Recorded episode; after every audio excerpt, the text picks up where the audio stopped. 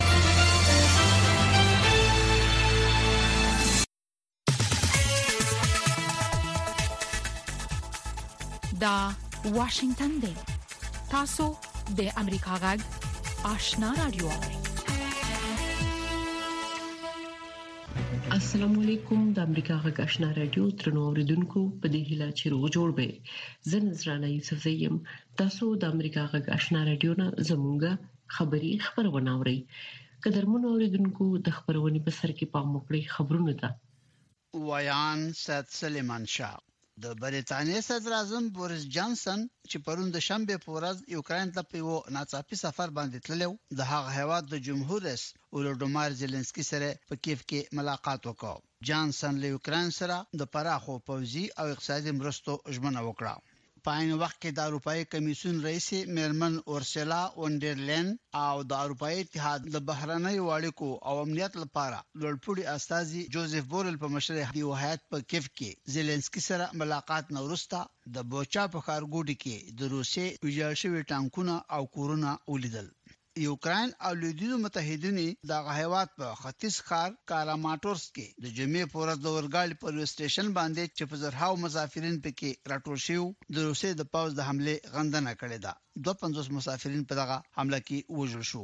جمهور رئیس ویلوډومایر زیلینسکي دغه حمله د روسیې د پوځ یو بل جنګي جرم وباله.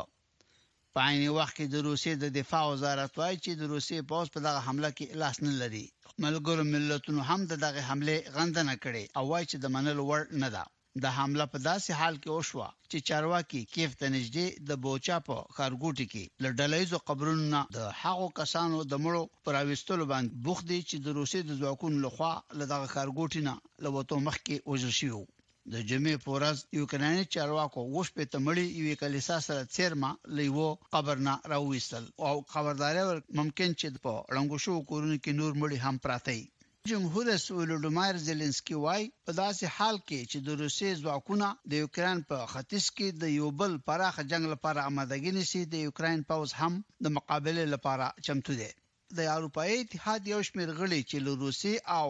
سپینې روسیې سره ګډ سرحدونه لري،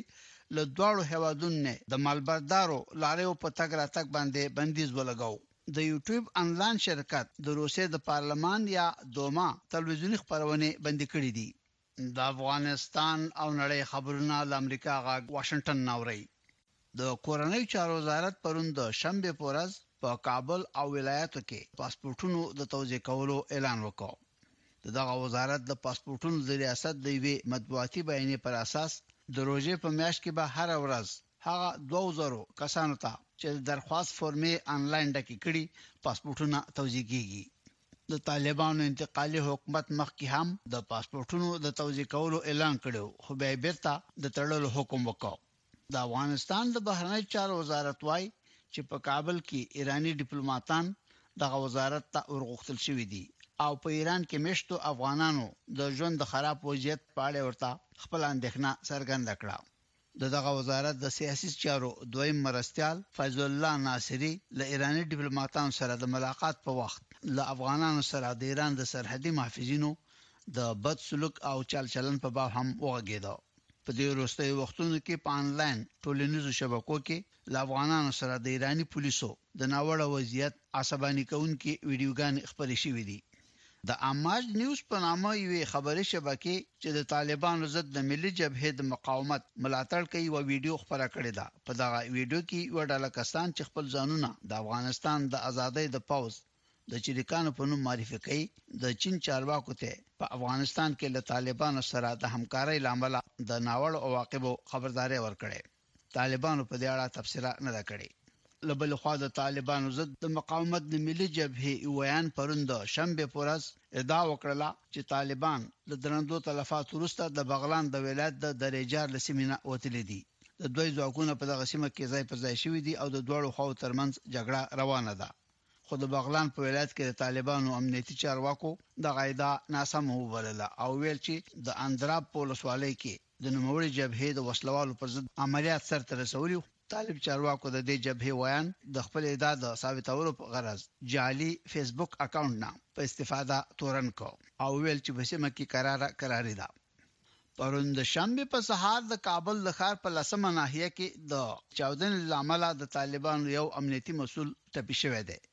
د کورنیو چارو د وزارت ویاند عبدالنافع دغه پیښه تایید کړله او ویل چې تحقیقات روان دي د مولا عبدالغني براده تر مشرۍ لاندې د طالبانو د انتقالي حکومت اقتصادي کمیسیون د هرات په ولایت کې او د غور په ولایت کې له قانون نه د خامې وسپنې او سربو د راویستلو د قراردادونو منظوري ورکړې ده دا واشنګټن دی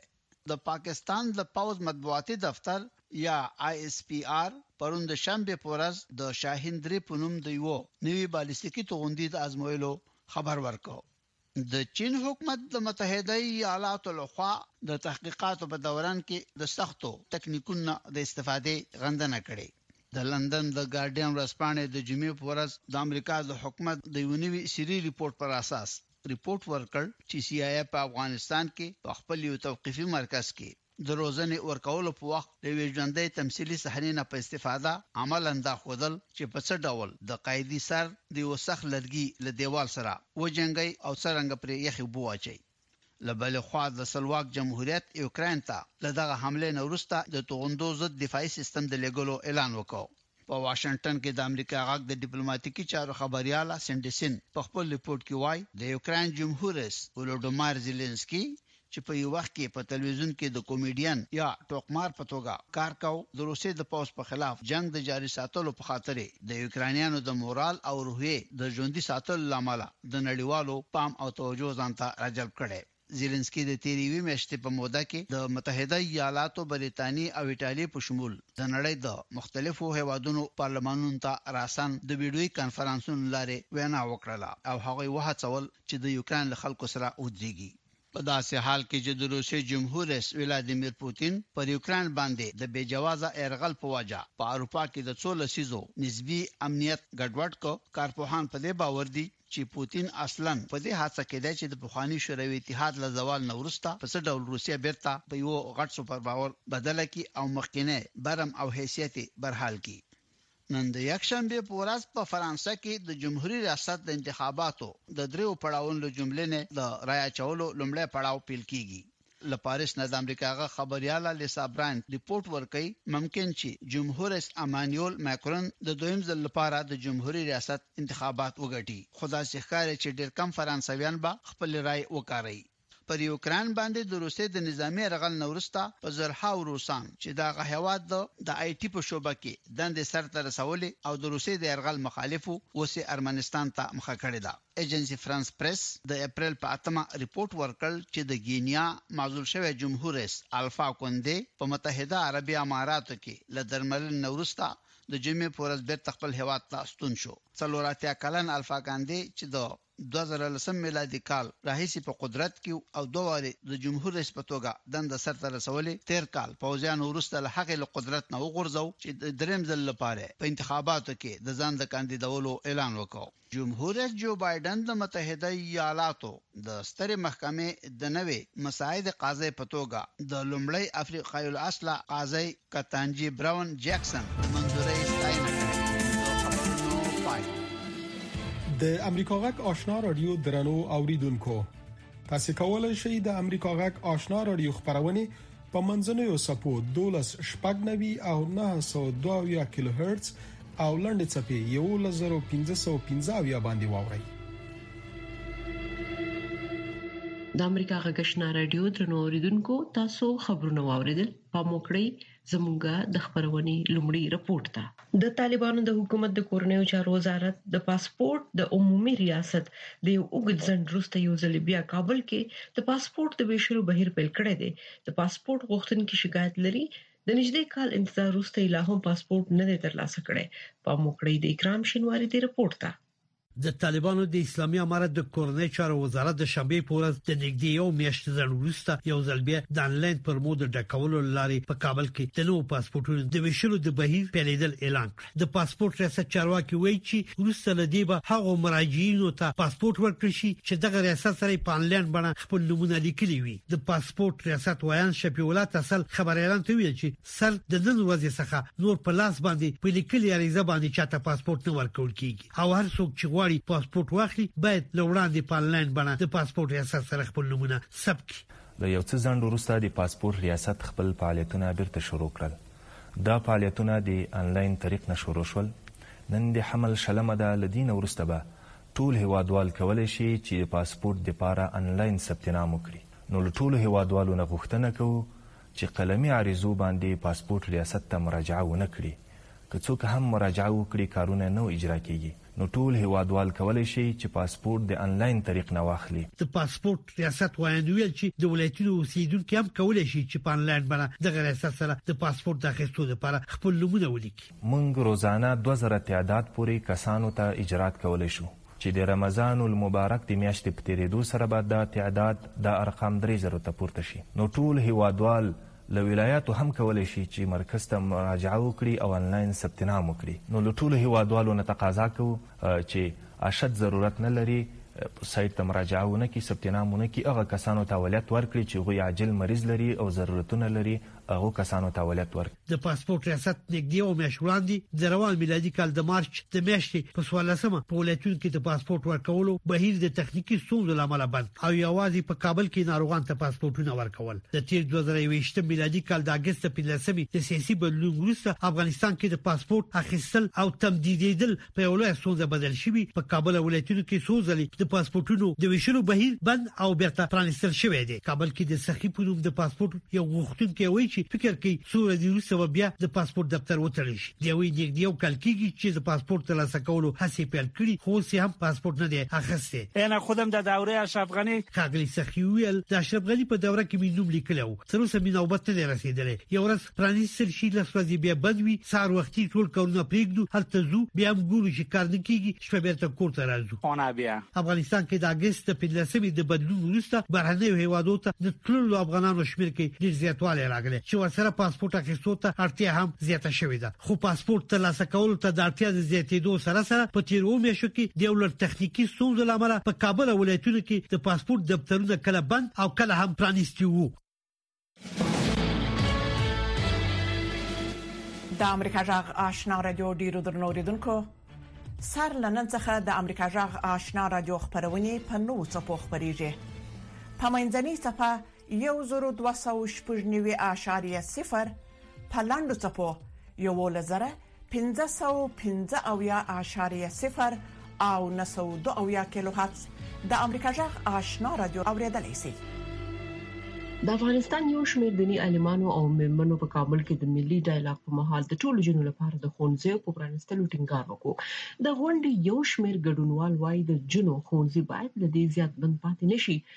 افغان ولس نور د دې ظلم د زغملو توان نه لري او د جینکو د ښوونځیو بندولو په اړه د اوسنیو چارواکو دریځ هیڅ شرعي او منطقي توجیه نه لري پام وکړئ د رپورټ ته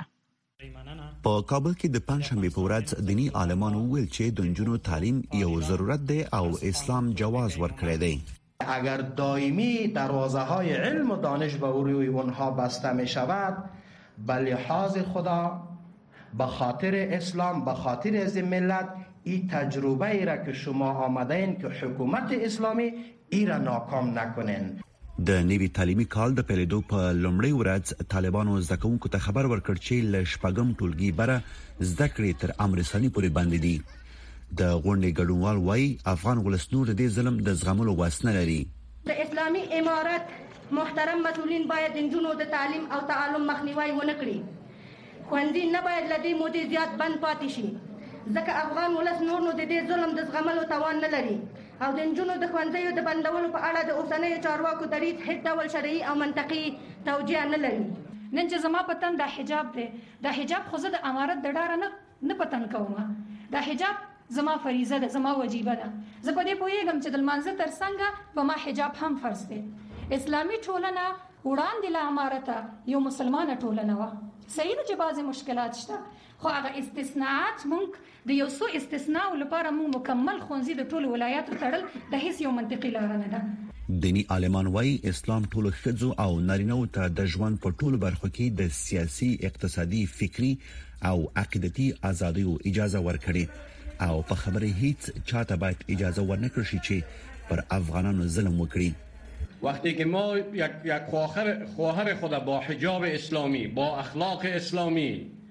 بر مراکز اسلامی که استادم اسلامی است شاگردم اسلامی است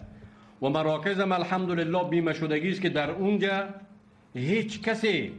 راه نخواهد یافت که چشم چرانی کنه اونجا کسی راه نخواهد یافت که خدا نکنه یک استفاده بد اخلاقی بکنه در اینجا شریعت و دین و فقها ما را از روش تعلیم و تعلم طبقه خواهران ما باز نمیدارد چارواکي وايي، په افغانستان کې د نجونو پر مخ د ښوونځیو بندېدل افغان ټولنې ته لوی زیان رسوي. د ښځو د کار او تعلیم د مخنیوي لامل هر څه چې وي، نه جبران کېدونکې پایلې به ولري، لکه د ټولنې نیمايي وجود به فلج شي او پر پاتې وجود به تل پېټی وي. په ټولنه کې به د پوهې او د پرمختګ کجه کچه ډیره راوغورځي. د طالبانو له خوا له شپږم ټولګي بره د نجونو د ښوونځیو بندولو پرېکړه په کور دننه او بهر په کلکه غندل شوې ده، خو د ملي او نړیوالو غبرګونونو سره سره طالبانو خپله پرېکړه لا بدله کړې نه ده. وحیدالله فیضي، امریکا غږ، واشنګټن.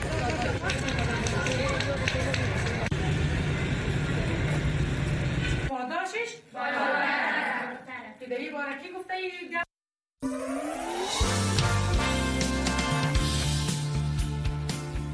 سپینې خبرې د ورځې په خبرونو او مسایلو د نظر د خاوندانو سپینې خبرې او د اوریدونکو نظرونه هر مخام د اتو بجو نه تر نه بجو پورې د امریکا غږ آشنا رادیو یو ساعته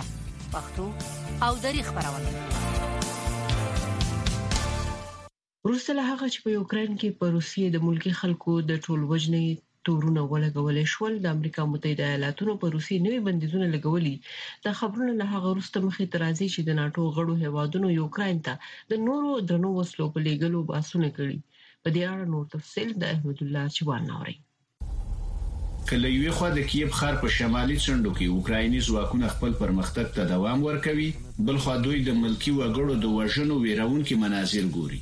په ښکاره توګه دا ملکیان روسي ځواکونو وژلي، خو روسان د دغو وژنو مسوولیت پر غاړه نه اخلي. له دې سره سره په اوکراین کې د جنګي جرمونو د تورونو شواهد مخ په زیاتېدو دي. سپینې ماڼۍ داسې مهال د نړۍ له اوه بډایه هیوادونو سره په ګډه پر روسیې د خپلو نویو بندیزونو تفصیل اعلانولو چې د دې ټولوژنو حواله یې ورکړه. د امریکا په نویو بندیزونو کې د روسیې دوه ستر بانکونه سبیر بانک او الفا بانک شامل دي. پر روسیې د امریکا په نویو بندیزونو کې د روسیې له خوا پر نویو پانګونو او د روسیې له خوا د پورونو ورکول د امریکا په خوښه پورې تړي. یوازې د یو کال په موده کې زموږ بندیزونه ښايي په تېرو پنځلسو کلونو کې د روسیې ترلاسه شوی اقتصادي پرمختګ له منځه یوسي او دا ځکه چې موږ د نیمه هادي پرزو او نورو هغو پرزو چې په کوانټم ټکنالوژي کې ترېنه استفاده کېږي په روسیې باندې د واردولو بندیز لګولی او دا هغه توکي دي چې په یوویشتمه پېړۍ کې د پرمختګ په ډګر کې د مقابلې لپاره اړین دي موږ به د روسیې اقتصاد په څو کلونو کې داسې حالت ته ورسوو چې روسیه به په راروانو څو کلونو کې له پرمختګ کولو شاته پاتې شي. برېټانیې هم پر روسیې نوي بندیزونه لګولي. زموږ په بندرونو کې د روسیې پر کښتیو بندیز، په نورو روسي بانکونو بندیز، دا دواړه هغه برخې دي چې د سرو زرو په شان د پوتین جنګي سینه ډکوي. بلخوا اروپايي ټولنه هم پر روسیې نور بندیزونه نهايي کوي. په نویو بندیزونو کې د سکرو را واردول هم شامل دي. پر تېلو او غاز دغه ډول بندیز ته به ژر او یا هم وروسته اړتیا وي. پر روسیې د لویدیځو هېوادونو د بندیزونو دا نوې څپه داسې مهال رامنځته کېږي چې د ناټو غړیو هېوادونو د باندنیو چارو وزیران له پرون راهیسې په بروکسل کې د اوکراین په اړه په سلا مشورو بوخت دي. ویسرا. که روسیه د اوکراین پر وړاندې خپل وحشي برید ته دوام ورکړي،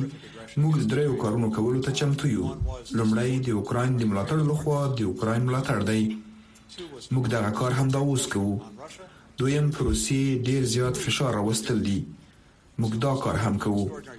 دریم د خپل ائتلاف، ناټو، دفاع قوي کول دي. موږ دا کار هم کوو. نوي بندیزونه د روسیې د ولسمشر پوتین د دوه لوڼو برسېره د روسیې د باندنیو چارو د وزیر سرګي لاوروف په ګډون د نورو روسي چارواکو خپلوان په نښه کوي. د امریکا غږ آشنا راډیو درنو اوریدونکو! تاسو کولای شئ د امریکا غږ آشنا رادیو خبرونه په منځنوي سپو 12 شپږنوي او 902 کیلو هرتز او لنډې چپې 11515 باندې واوري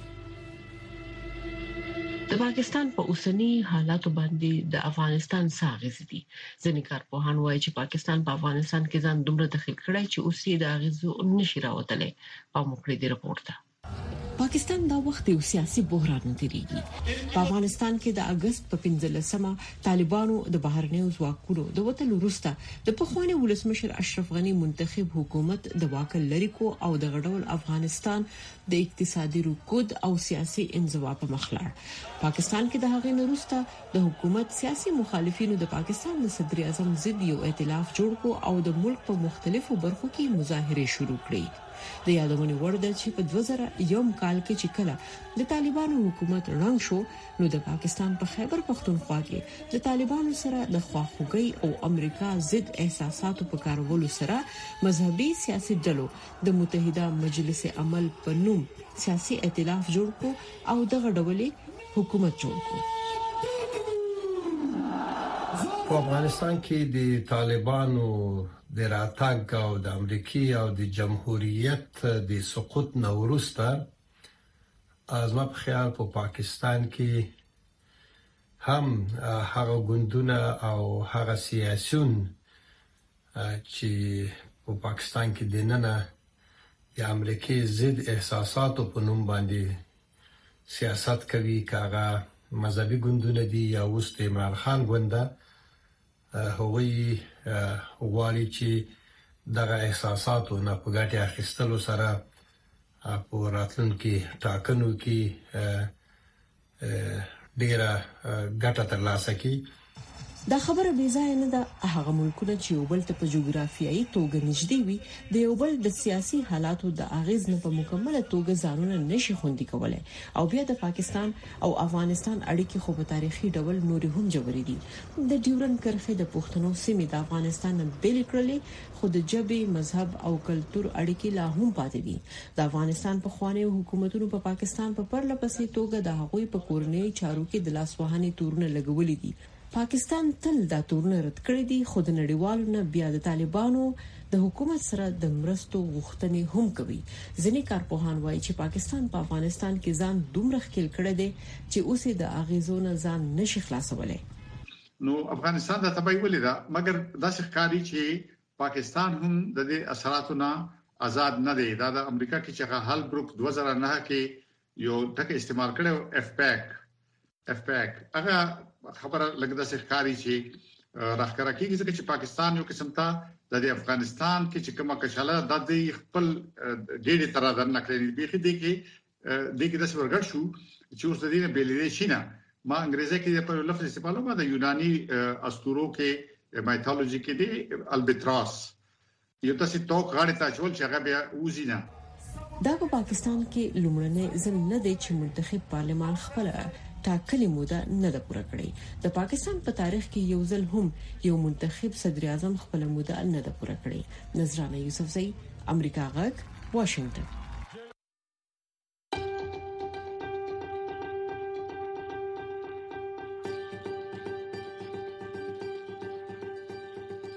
کورونا یو ساري ناروغي ده او مخنیوي لپاره لازمه ده چې ټول احتیاطي تدابیر ونیسو هم ځانو ساتو او هم نور وخت په وخت لاسونه ومینځو د ټوخي او پرنجي پر وخت د سمال او یا څنګل خولې ته ونیسو له کوره به ضرورت بهر ونه وځو او د وټو پر وخت ماسک باندې خلا او پزه پټه د کې د هر چا صحت خوندي کیږي زه نو شاباش نایم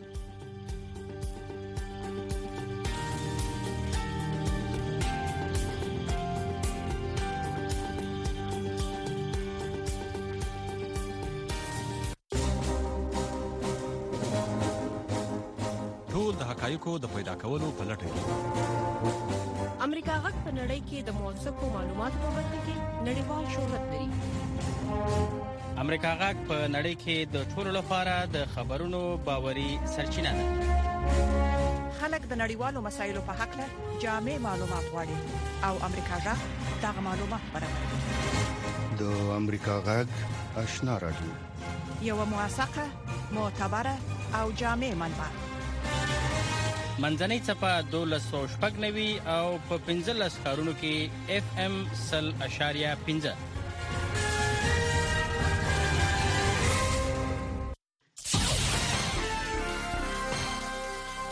درنو اوریدونکو دا د اوس په یو سرمقاله ووري چې د امریکا د حکومت نظر څرګندوي د غلطو معلوماتو خبرول د روسي یو د ډیرو مهمو وسلو نه ده او په پرلپسې توګه ورنکار اخستل شوې ده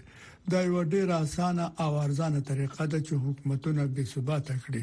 او په خلکو کې د شکونو تخم وشندي د روسي حکومت د غلطو معلوماتو او پروپاګاندا ایکو سیستم ته پرمختګ ورکړی دی چې د کرملین د هدفونو په ملاتړ غلطي کیسې پیدا او خبرې کړي په درسته نړۍ کې هر او هر یو پیخه د دروغو او تحریفولو لاره په وسله سمبالوي په دې اخر کې په خاصه توګه دا د اوکرين په اړه رښتیا ده دغه حمله د 2021م کال په اخر کې او د 2022م کال په سر کې ورو ورو زیات شول په داسې حال کې روسیا چمتو و چې په اوکرين حمله وکړي د بهرنیو چارو وزیر انتونیا بلینکن ویلي، موږ د پام وړ یو کوشش ولید چې د اوکراین، ناټو او امریکا په خلاف په پروپاګند باندې زور واچوي. په دې کې د ټولنیزو رسنیو بدنیته فعالیتونه په انلاین باندې د نیابتي مطبوعاتو پټ او ښکارا استعمال په تلویزیوني او راډیوي پروګرامونو کې د غلطو معلوماتو میکروب د کانفرنسونو کوربتوب شامل دی چې داسې طرح شوی دی چې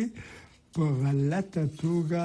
په برخوالو باندې نفوذ وکړي چې په دې عقیده وکړي چې دا اوکراین ده نه روسیا چې په سیمه کې تاوتریخواله زیاتوي او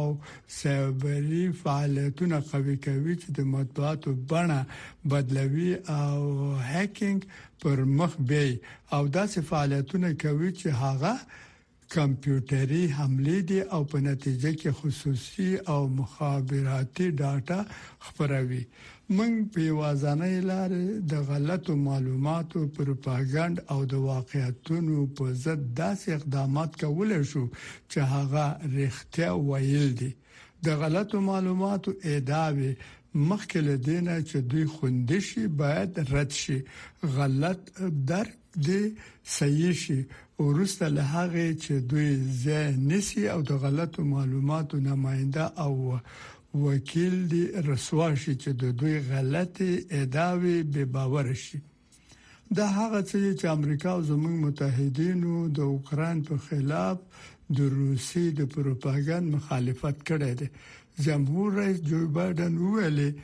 موږ په ماسکو کې سیاسي تیاتر ولید، عجیب و غریب او بې اساسه ادعاوې چې نږدې وو چې اوکراین د روسیې په خلاف یرغل وکړي او جنګ پیل کړي چې اوکراین چمتو وو چې کیمیاوي وسلې استعمال کړي چې بې له شواهدو نه اوکراین د عام قتل مرتکب شوی دی،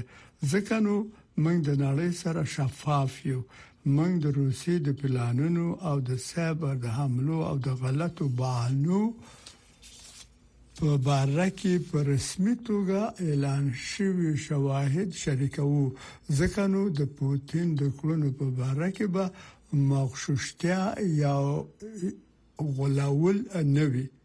د روسیې د پلانونو په باره کې عوامو ته د استخباراتو په رسمي توګه اعلان شوی شواهد او خبرول یو بې سابقه حرکت چې د پوتین کوششونه بې پردې کړل د اوکران په خلاف د دوه لمخکې نه د سجن جوړ شوی ناپارولي او غیر عادلانه جنگ لپاره یو تیرستون کې بهانه وکړي جمهور رئیس بایډن ویل دلته رښتیا دي او دلته دروغ دي دروغ د قدرت لپاره او ګټې لپاره ویل شوی دي او زمنګ هر وظیفه او مسولیت لري چې د رښتیا دفاع وکړو او دروغ ته ماته ورکړو ګرانو اوریدونکو دا و د امریکا غږ څخه خلک چې د امریکا د حکومت نظر څرګند